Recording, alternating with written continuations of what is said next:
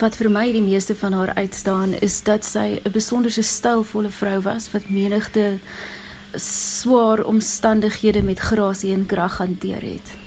Ek dink sy is die ware beeld van die gesegde hell hath no fury like a woman scorned. Ek dink sy het gedoen wat sy geglo het is reg onder die omstandighede waarin sy was en sy het dit met passie gedoen met alles wat in haar is. Ons stem nie saam met die wreedheid wat daarmee gepaard gaan nie, maar haar passie was so sterk geweest dat dit vir haar uitweg was. Ek dink iemand wat nie Winnie Mandela se bydrae tot demokrasie in Suid-Afrika erken nie, erken nie die geskiedenis van die land nie. Sy het 'n onmiskenbare rol gespeel tot vryheid in ons land. Ek sien Winnie Mandela as 'n ikoon en 'n struggle hero en ons moet haar daarvoor vereer, maar dit verskoon nie die aardade wat sy ook gedoen het nie. Haar betrokkeheid by die ontvoering van die 14-jarige Stompie Moketsi bly egter baie mense by as hulle aan Winnie Madikizela Mandela dink. Stompie is daarvan verdink dat hy 'n politieke informant was. Madikizela Mandela is skuldig bevind aan die ontvoering van Stompie, maar nie die moord op hom nie. Die moeder van ons nasie, die moeder van ons demokrasie. En in haar vroeë jare was sy braaf, sy was hardkoppig, maar vir ware stryder teen apartheid en 'n held vir baie Suid-Afrikaners. En dis juist daarom dat dit vir my so jammer is dat sy haar heldstatus bevuil het. Ek dink ek kan dalk selfs so ver gaan om te sê dat sy dit verruil het in haar later jare. Wanneer mense die geskiedenis van Soweto bestudeer, sal dit nodig wees om haar in 'n manuskrip te noem. Sy het 'n rol gespeel in daai gemeenskap. Mense kan seker dieselfde argumenteer oor Suid-Afrikaanse politieke geskiedenis want sy was 'n lid van die parlement. Maar wanneer ek aan haar dink, dan dink ek aan die lewens wat verlore is as gevolg van dade wat sy of oorgeweet het of selfs georkestreer het. En hier dink ek spesifiek aan 'n jong seun met die naam van James Sepai, ook bekend as Stompie Moketsi.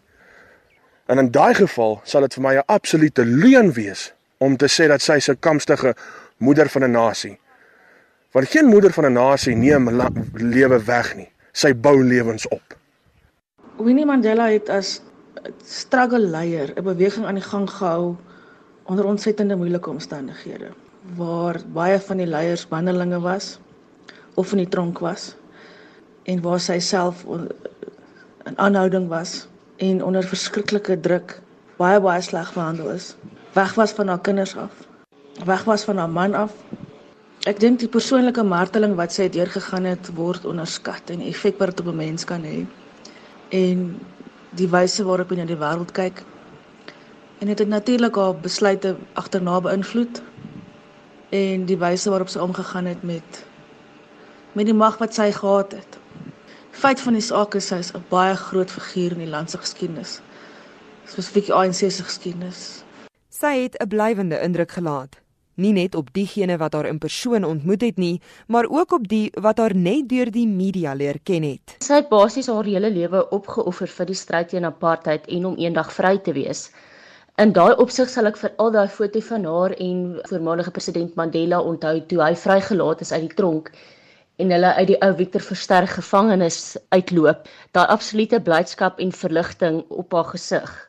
In 2013 het ek haar en haar dogter ontmoet want haar dogter was op daai stadium 'n ambassadeur vir een of ander oogkundige instelling en dit was nogal in Cresta van alle plekke en ek moes haar afneem waar haar oë getoets word. Ek het nooit gedink dat ek so 'n tipe storie sal doen nie en dit was nogal met die moeder van die nasie.